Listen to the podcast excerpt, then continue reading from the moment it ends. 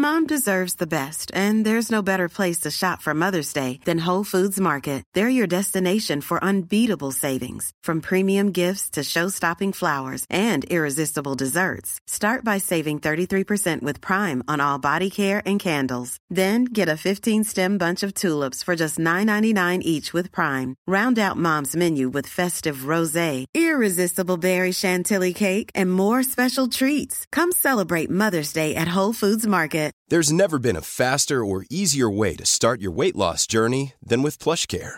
PlushCare accepts most insurance plans and gives you online access to board-certified physicians who can prescribe FDA-approved weight loss medications like Wigovi and Zepbound for those who qualify.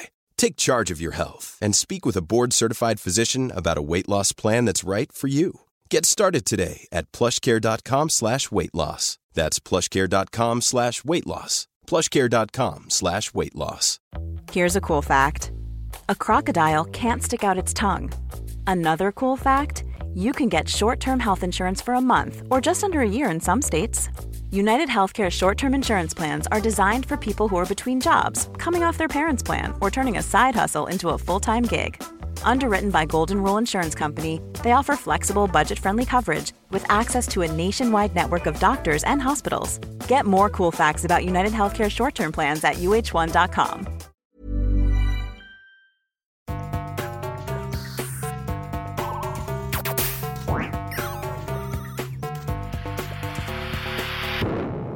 Velkommen til Sinnsyn. Jeg heter Sondre Risom Livre, er psykolog, og dette er Webpsykologens podkast. Hverdagspsykologi for fagfolk og folk flest.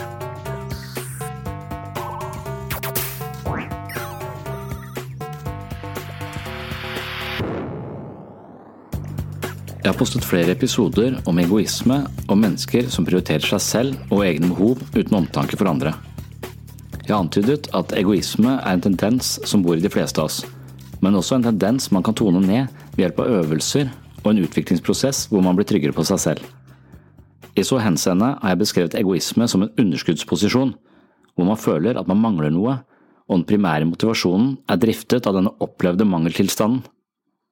Hvis vi fokuserer mer på det vi har, aksepterer oss selv og demper behovet for andres anerkjennelse for å bekrefte vår egen verdi, vil vi sitte igjen med et ego i mer balanse, og da vil både motivasjonen vår og behovene våre endre seg.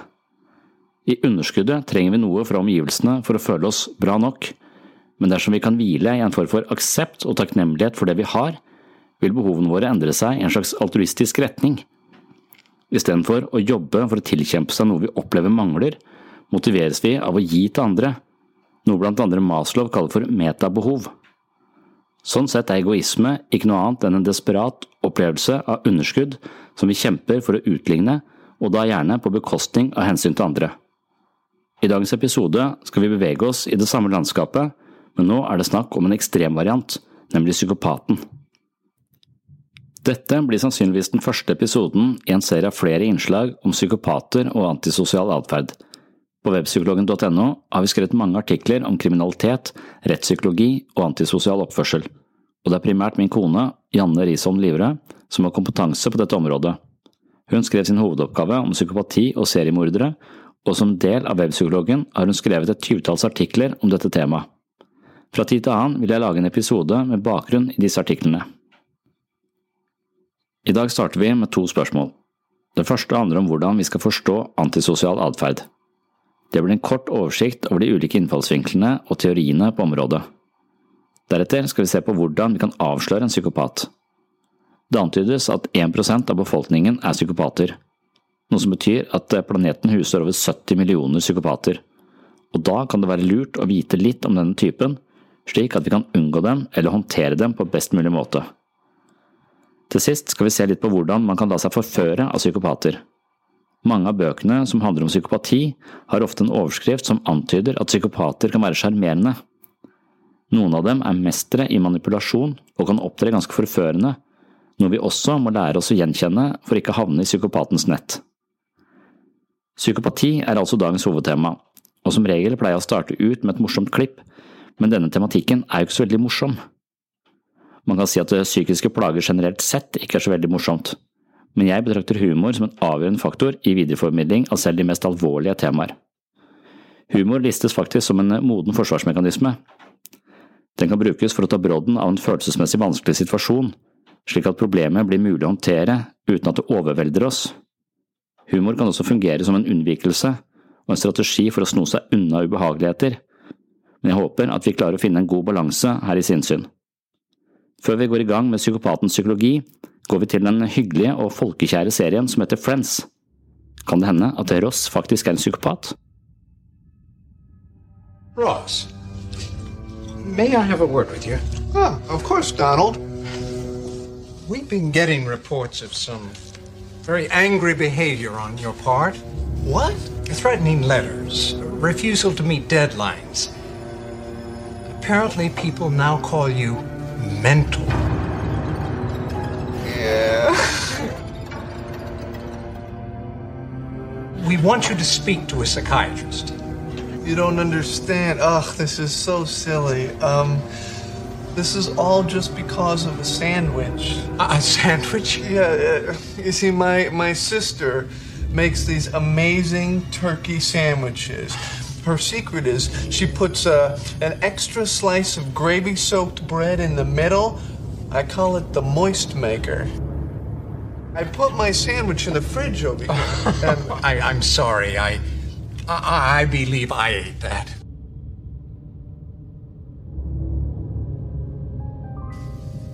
You ate my sandwich? It was a simple mistake. It could happen to anyone. Oh, really?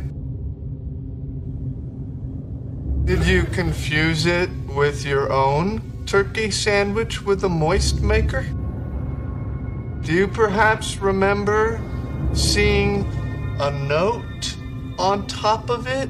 There may have been a, a joke or limerick of some kind. That said, it was my sandwich. Now, now, calm down. Come look in my office. Uh, some of it may still be in the trash. What? Well, it was quite large. I, I, I, I had to throw most of it away. You, you threw my sandwich away. My sandwich? My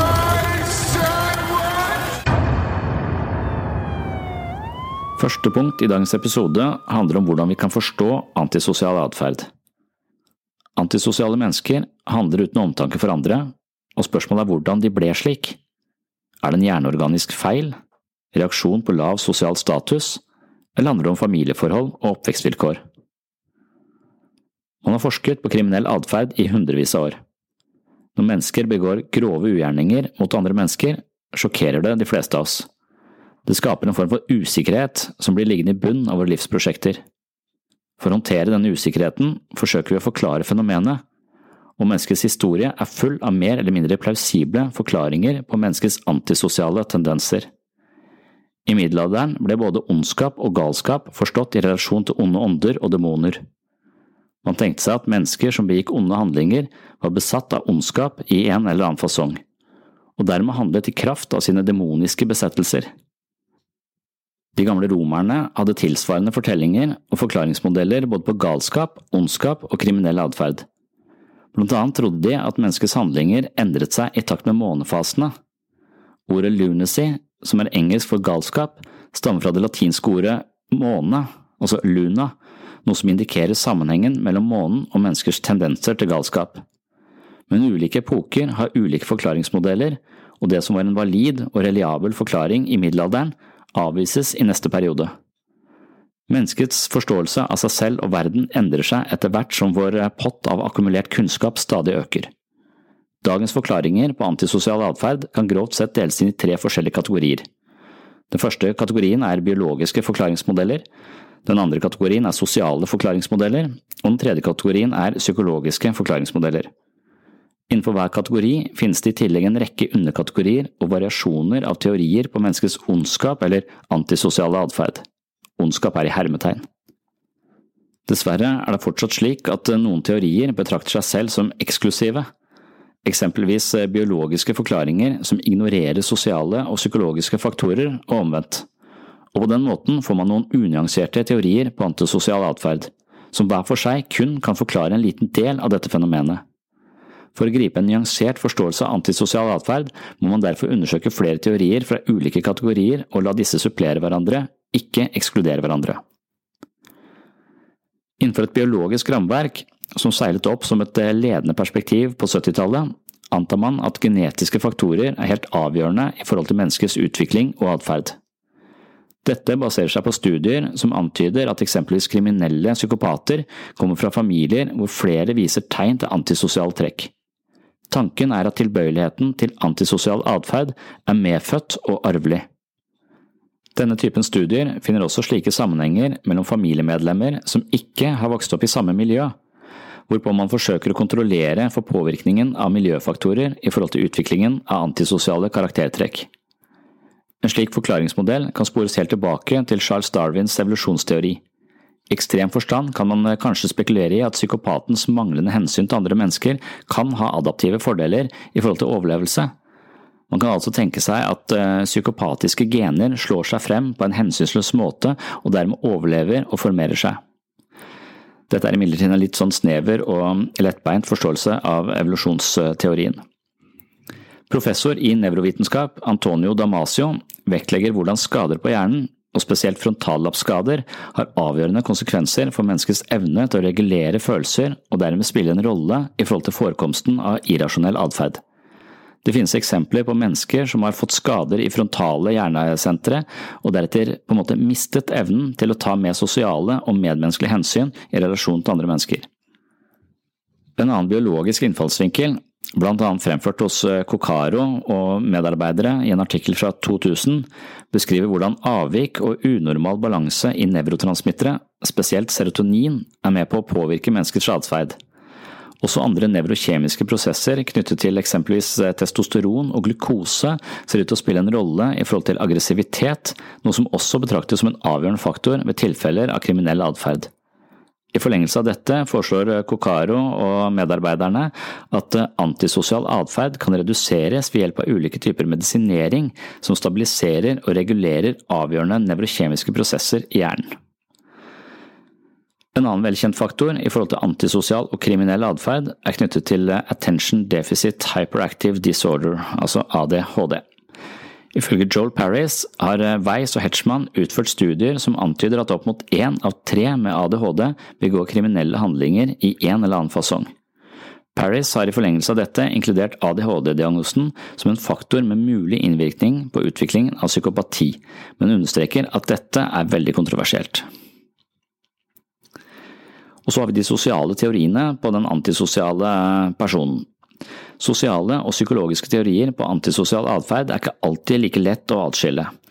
På mange måter overlapper de hverandre, men dypest sett finnes det her en grunnleggende forskjell i hvordan de betrakter opphavet til problematisk atferd hos mennesker. Sosialpsykologi vektlegger miljømessige faktorer som avgjørende for individets utvikling og tilblivelse som sosialt vesen, mens andre mer tradisjonelle psykologiske teorier fokuserer på faktorer som skriver seg fra individets psykologiske makeup, og dermed har et langt mer isolert fokus på enkeltindividets indre drivkrefter. Noen av de mest essensielle sosiale faktorene i forhold til antisosial atferd handler om kjønn, alder og sosial status.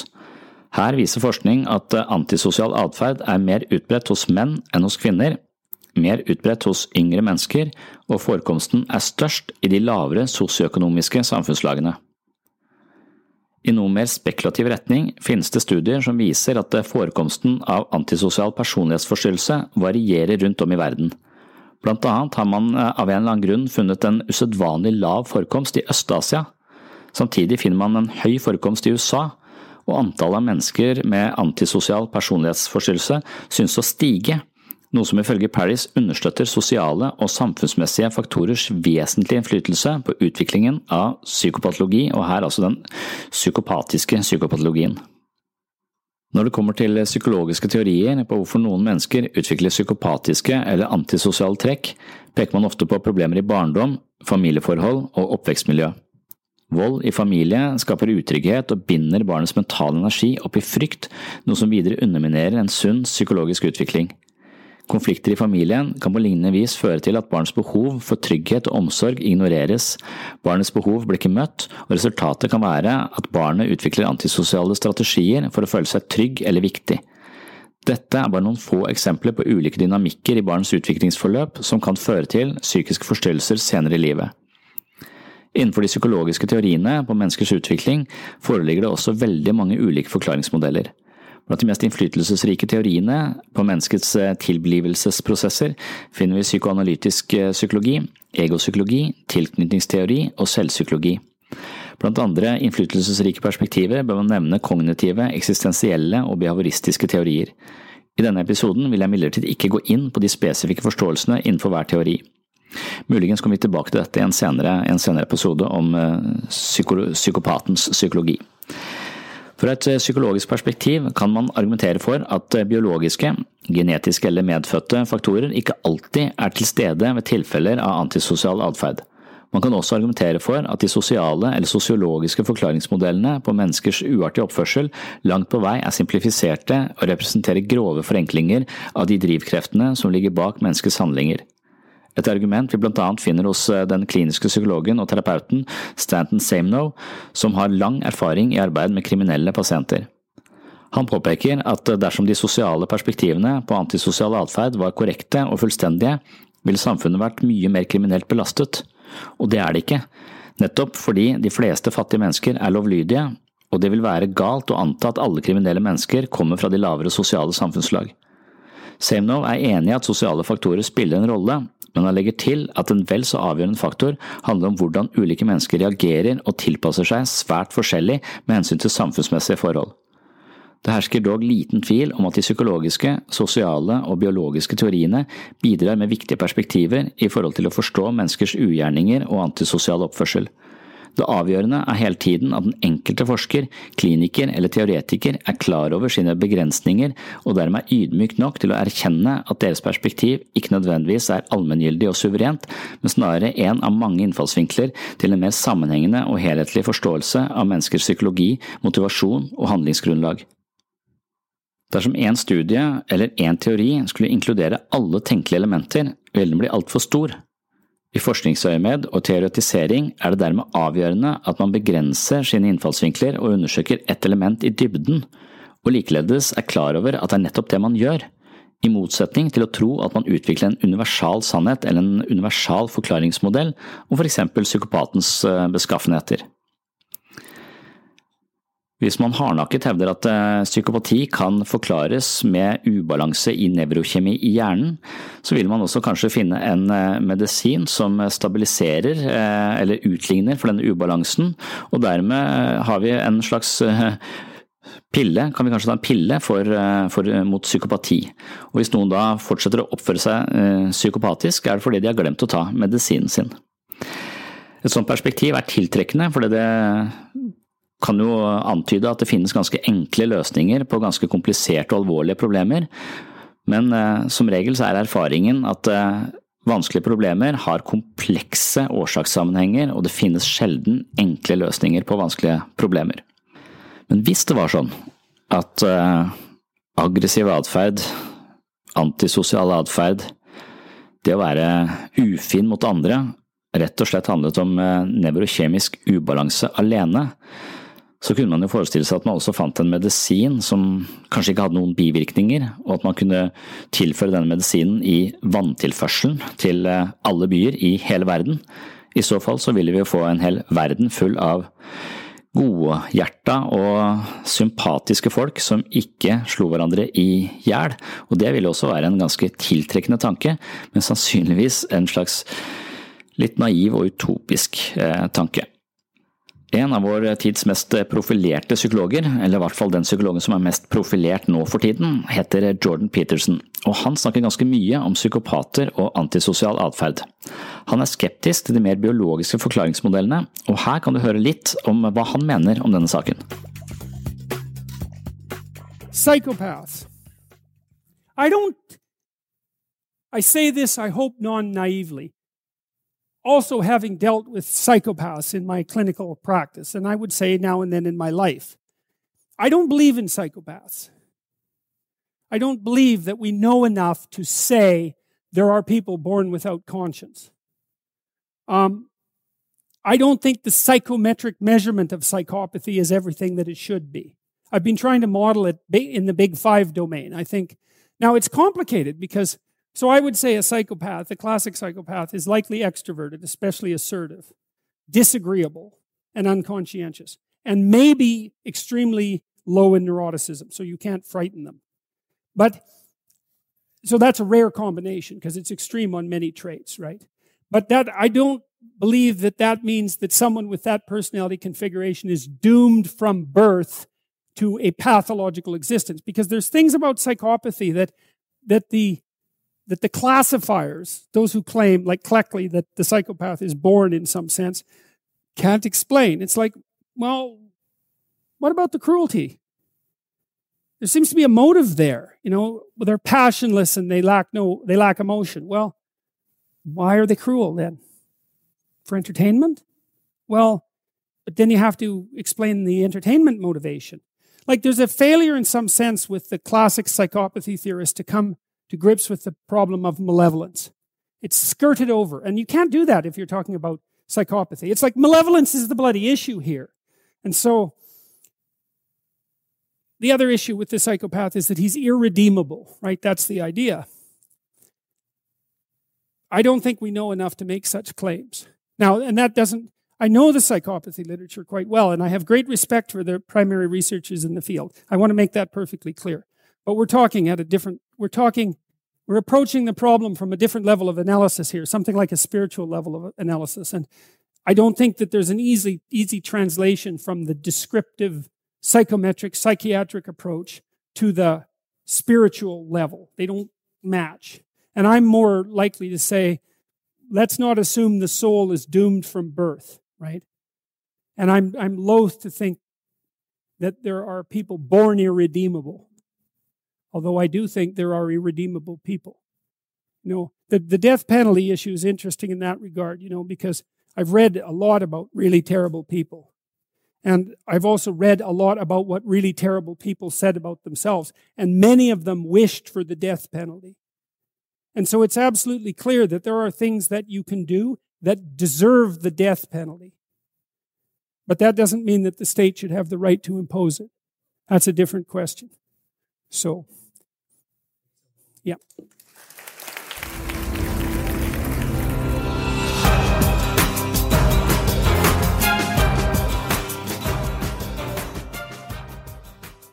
Det neste punktet vi skal gjennom i denne episoden, handler om hvordan vi avslører psykopater.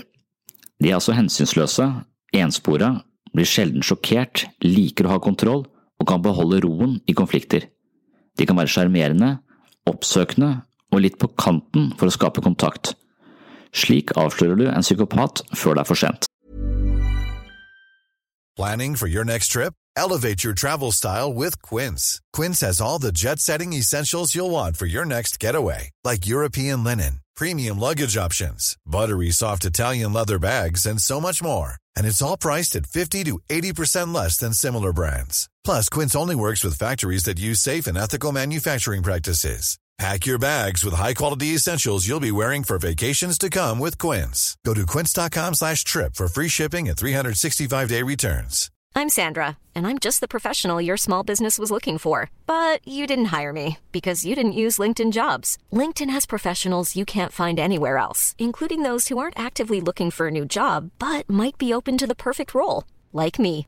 In a given month, over 70% of LinkedIn users don't visit other leading job sites. So if you're not looking on LinkedIn, you'll miss out on great candidates like Sandra. Start hiring professionals like a professional. Post your free job on linkedin.com/people today. This is Paige, the co-host of Giggly Squad, and I want to tell you about a company that I've been loving, Olive and June. Olive and June gives you everything that you need for a salon quality manicure in one box. And if you break it down, it really comes out to $2 a manicure, which is absolutely insane. It's also so easy to get salon worthy nails at home with Olive and June. The difference between how your nails used to look when you did them yourself and now with the Manny system is a complete game changer. The best thing about Olive and June too is it's a quick dry. Dries in about one minute, lasts for five days, and full coverage in up to one to two coats. Visit oliveandjune.com slash perfectmanny20 for 20% off your first system. That's oliveandjune.com slash perfectmanny20 for 20% off your first system.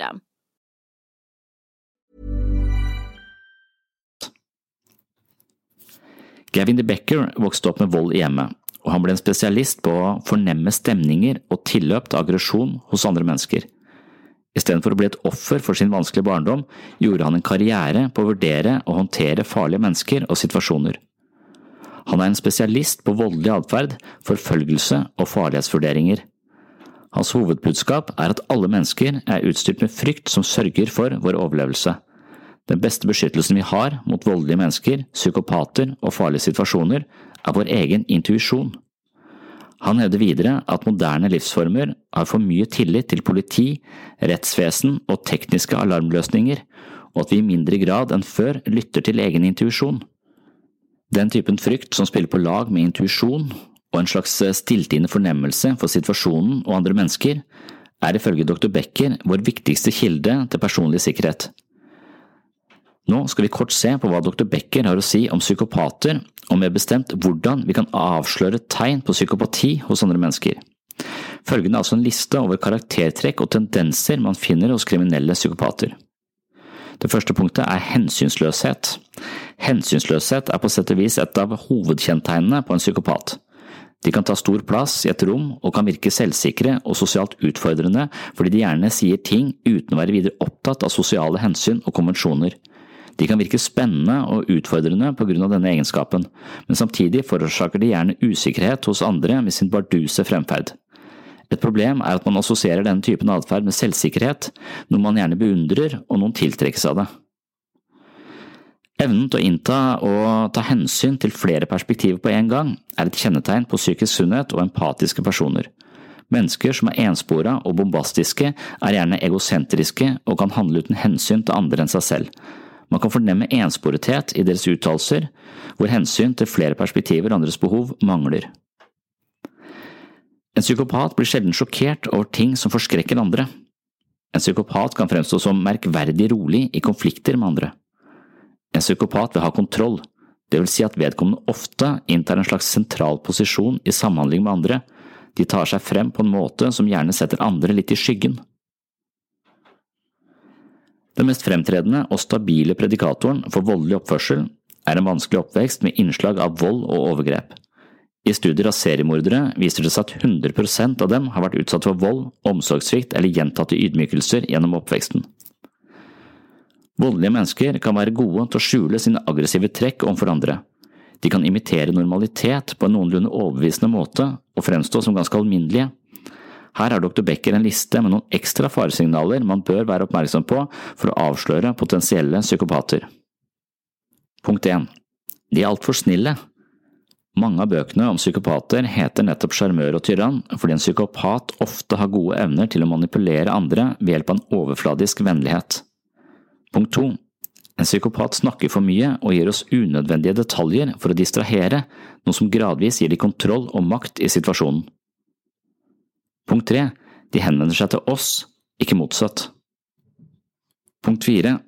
Ganske tidlig i en samtale vil de ofte karakterisere oss som om de kan lese oss eller se gjennom oss, eller de kommer med noen milde fornærmelser for å engasjere den andre og komme i en mer bindende kontakt. Punkt 5. Psykopaten bruker gjerne en teknikk som tvinger frem et slags fellesskap mellom ham selv og offeret. Det vil blant annet si at psykopaten bruker ordet vi ganske tidlig i et møte for å invitere til en ramme som antyder at psykopaten og offeret er i samme båt. Punkt 6. De finner en måte å hjelpe oss på så vi føler at vi står i gjeld. Punkt 7. De ignorerer et nei. Dr. Becker poengterer at eh, vi aldri må la noen overtale oss ut av et nei for da vet vi at de har makten og kontrollen i relasjonen. Dr. Becker anmoder alle om å bruke sin medfødte intuisjon og lytte til sin innebygde alarmberedskap tuftet på frykt som løper overlevelsens tjeneste. Likevel skal vi ikke leve paranoide liv, da det meste av det vi bekymrer oss for, aldri vil skje uansett, men dr. Becker mener at det er uklokt å legge alt ansvar for sikkerhet i fang på politiet og sikkerhetsselskaper. Det er tross alt mennesker som kan skade oss, og det er derfor det er mennesker vi må forstå. Et annet punkt, men som også er relatert til dette, handler om å bli forført av psykopater. Det er også siste del av dagens eh, episode. Psykopaten blir altså ofte kalt sjarmør og tyrann. Noen lar seg fascinere og forføre av psykopatens manipulerende egenskaper, og noen drapsmenn har fans og mottar frierbrev. Hvordan skal vi forstå dette? Før jeg tar for meg noen av teoriene på området, skal vi igjen høre fra Jordan B. Peterson og hva han tenker om det å bli forført av en psykopat. Now, you've got these two evil creatures here, the fox and the cat. Um, I think this one's based on one of the Marx brothers, actually, Harpo Marx, who I believe never said anything. But be that as it may, there are these ne'er do well characters. Um, the fox, in particular. Now, fox is a standard trickster animal, right? It's a, it's, uh, it's, it's, it's a classic animal, maybe because it's, it's good at hiding and it's good at hunting. I don't know exactly why, but it's, it, and coyotes are like that too. They're classic trickster animals. Um, he's kind of like Wiley Coyote, in fact, you know, the, the, the Warner Brothers character who's genius at large and, of course, whose arrogance continually gets him walloped.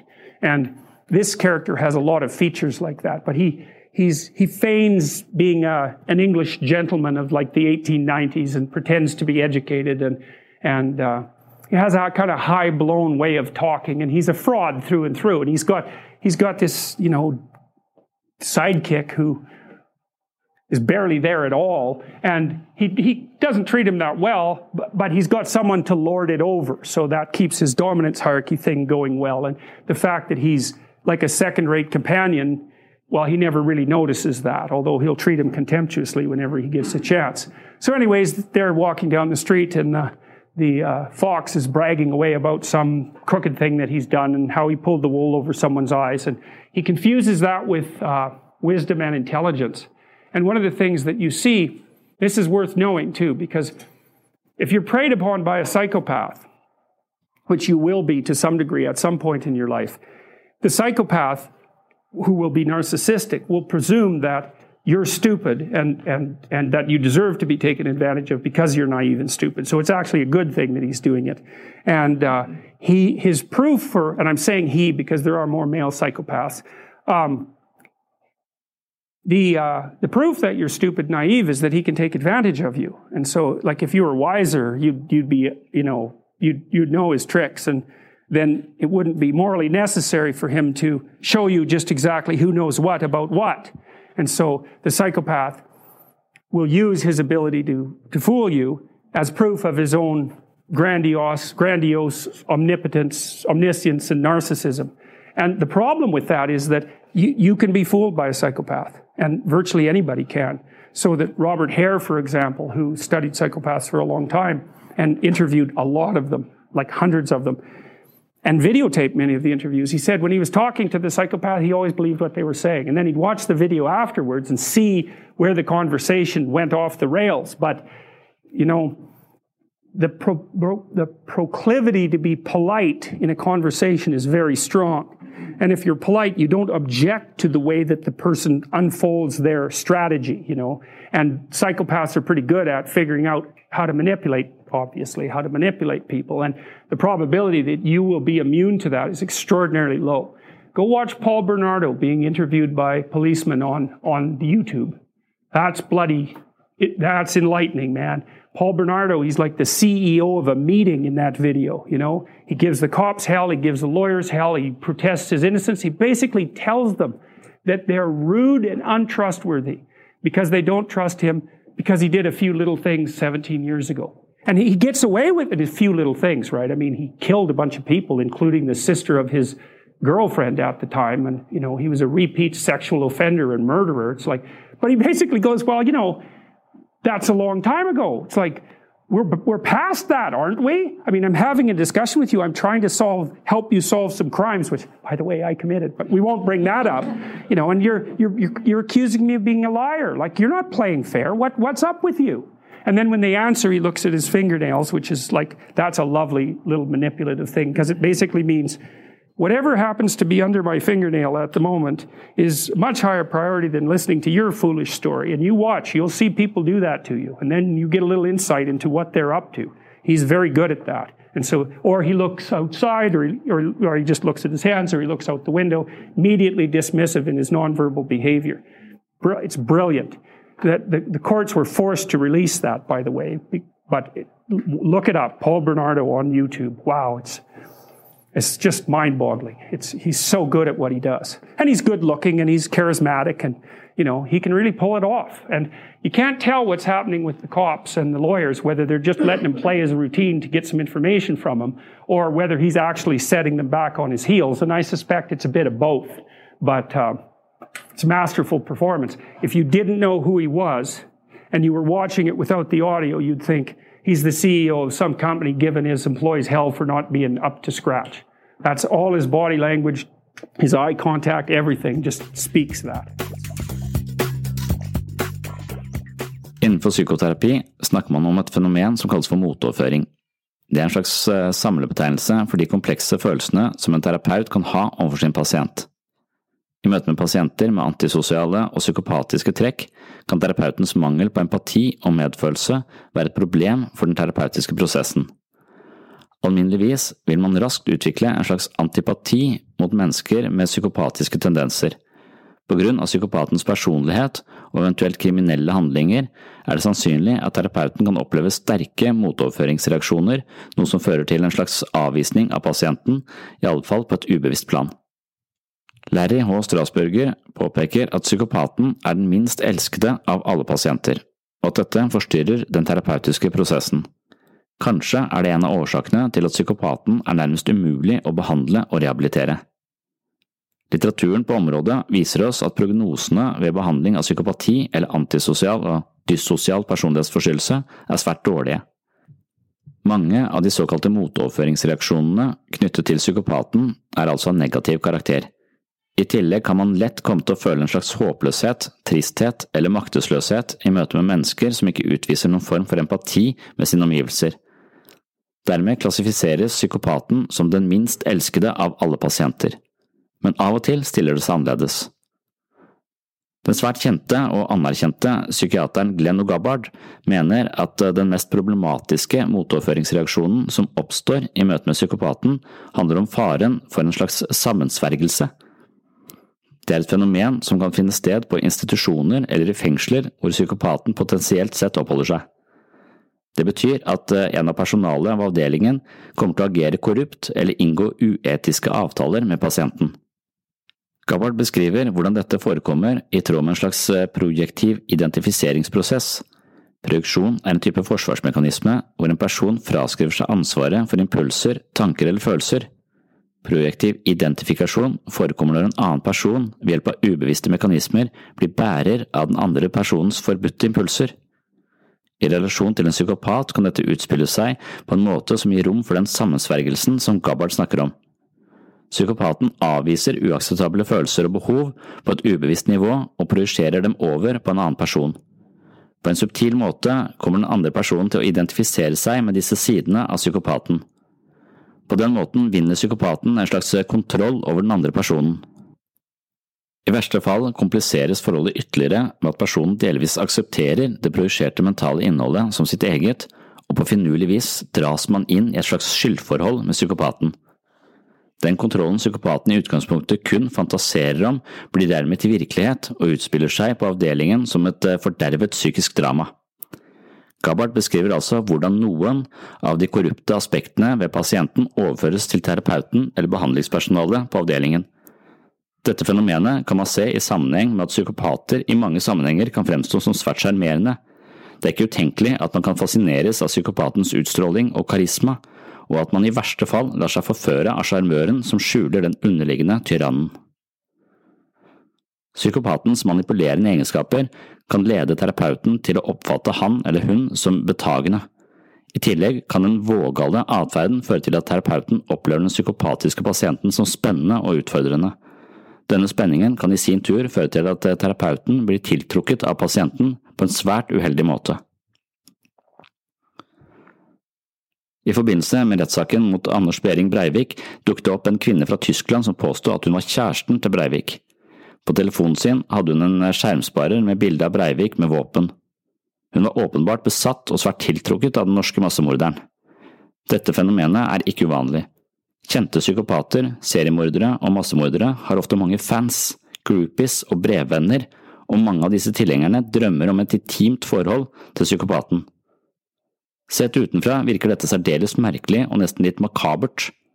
Imidlertid kan man kanskje forstå fenomenet i tråd med det som her kalles for motoverføring. Fenomenet er utvilsomt psykologisk komplekst, og det finnes selvfølgelig mange ulike årsaker til at psykopatiske mordere, i tillegg til å bli hatet av majoriteten, blir elsket og hyllet av et lite mindretall. Klekli kommer med en ganske interessant forklaring på psykopat-fan-fenomenet, som handler om en feminin intuisjon som sanser et lite hjelpeløst barn bak den antisosiale og impulsive fremferden. Denne intuisjonen vekker en form for omsorg som skaper den bemerkelsesverdige tilknytningen til psykopaten. Clickley uttrykker det slik. Feminine intuition senses that here, concealed beneath an appearance of maturity, is a baby or something very much like a helpless, crying little baby. Her deep instincts to nurse and protect this winsome little darling are unconsciously called out. Dersom denne typen motoverføringsdynamikk oppstår i terapi, kan det føre terapien i svært uheldige retninger. For å unngå dette er det helt avgjørende at terapeuter som jobber med antisosiale og psykopatiske mennesker, selv mottar jevnlig veiledning. I terapi er det helt avgjørende at man er bevisst sin egen motoverføring. Det er kun gjennom en kontinuerlig bevisstgjøring man unngår å havne i dynamikker, mønstre og relasjoner som i verste fall kan bli direkte antiterapeutiske eller farlige. Mennesker som lever sammen med psykopater, har sjelden mulighet for veiledning og sjansen for å fanges i et ødeleggende og destruktivt forhold kan være stor. Som nevnt har mange psykopater og mordere fans, og de har tilhengere som forguder dem. Mange av dem mottar frierbrev og tilsvarende tilbud fra mennesker som ønsker kontakt og relasjon til en dømt morder uten samvittighet og empati. Det er utvilsomt et merkverdig fenomen, og som nevnt er det mange ulike forklaringer. Noen vil hjelpe det lille barnet som gjemmer seg bak den voksne psykopaten, mens andre kan ha ubevisste sadistiske impulser de selv ikke aksepterer, men kan få utløp for gjennom en nær relasjon til en psykopat. Andre er tiltrukket av de mørke sidene i det menneskelige sinnelag, og noen opplever psykopatiske trekk som en slags eh, makt de ønsker å underlegge seg eller bli ivaretatt av. Det er nok mange ulike psykologiske mekanismer på spill, og jeg kommer tilbake til dette i en senere episode. Da jeg var barn, husker jeg spesielt godt Ted Bundy, han ble dømt for 28 drap året før jeg ble født. Da jeg var ni år gammel, hadde han sittet ti år i fengsel i påvente av at dødsdommen skulle gjennomføres. 24. januar 1989 ble han henrettet, og jeg skjønte ikke hvorfor jeg så damer som gråt på TV. Jeg hadde forstått at denne mannen var et monster som drepte folk, men samtidig hadde han masse tilhengere og kvinnelige fans som ville at han skulle løslates. For en niåring var dette her et forskrekkelig mysterium.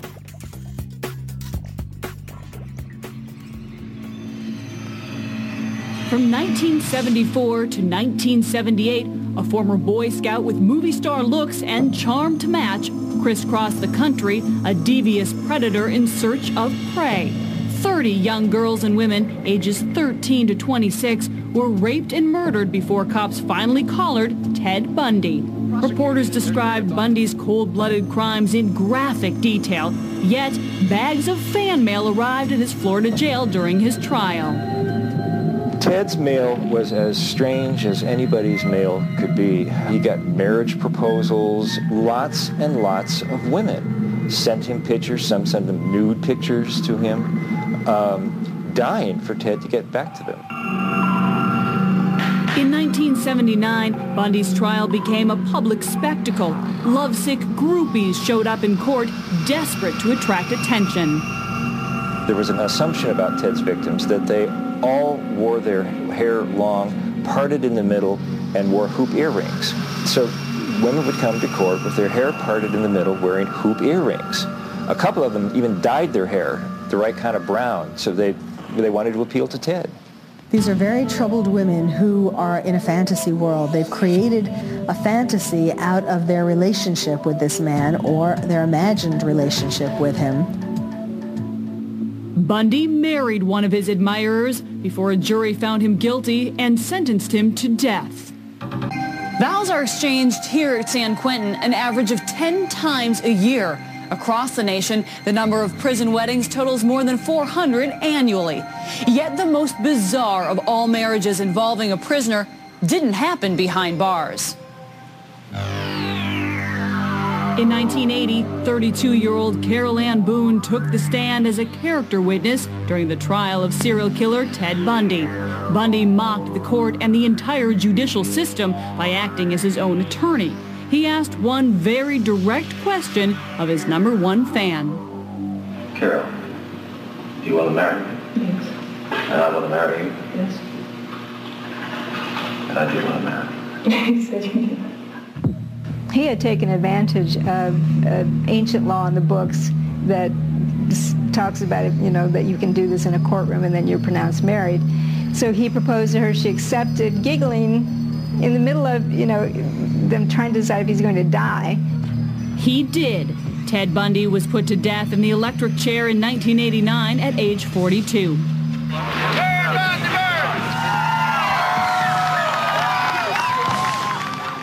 To this question of whether or not she really believed he was innocent, she did have a child by him, uh, conceived behind a water cooler uh, in the visitors park at Florida State Prison. Boone claimed Bundy fathered her baby girl, though that remains in dispute. Det var det jeg hadde i første episode om psykopater. I dag har jeg referert en rekke studier og teoretikere, og referansene kan du finne i shownotes på webpsykologen.no. Jeg har fått litt kritikk fordi jeg nevner bøker uten å skrive ned referansene, noe jeg skal forsøke å skjerpe meg på. Jeg hadde jo et prosjekt hvor jeg leste veldig mange av de mest solgte psykologibøkene, og disse bøkene snakker jeg om én etter én, uke etter uke, i min jobb på poliklinikken. Vi jobber med stoffet for å se om det er mulig å omsette innsikten til praksis. Dermed er dette bøker som på sett og vis har tatt eh, bolig i meg, og det blir lett å nevne dem uten å huske å skrive ned referansene. Har du interesse av psykologi på denne måten, anbefaler jeg selvfølgelig også bøkene jeg selv har skrevet, som eh, på mange måter oppsummerer de viktigste ideene i psykologifaget, og forhåpentligvis på en måte som gjør at eh, psykologien blir relevant i hverdagslivet. Bøkene er som vanlig tilgjengelige på webpsykologen.no til best pris med gratis frakt og rask levering. Det var alt for i dag. Takk for at du hører på Sinnssyn. Psykopater blir ikke tema i de neste episodene, men jeg er ganske sikker på at jeg kommer tilbake til dette temaet i en senere episode. På gjenhør.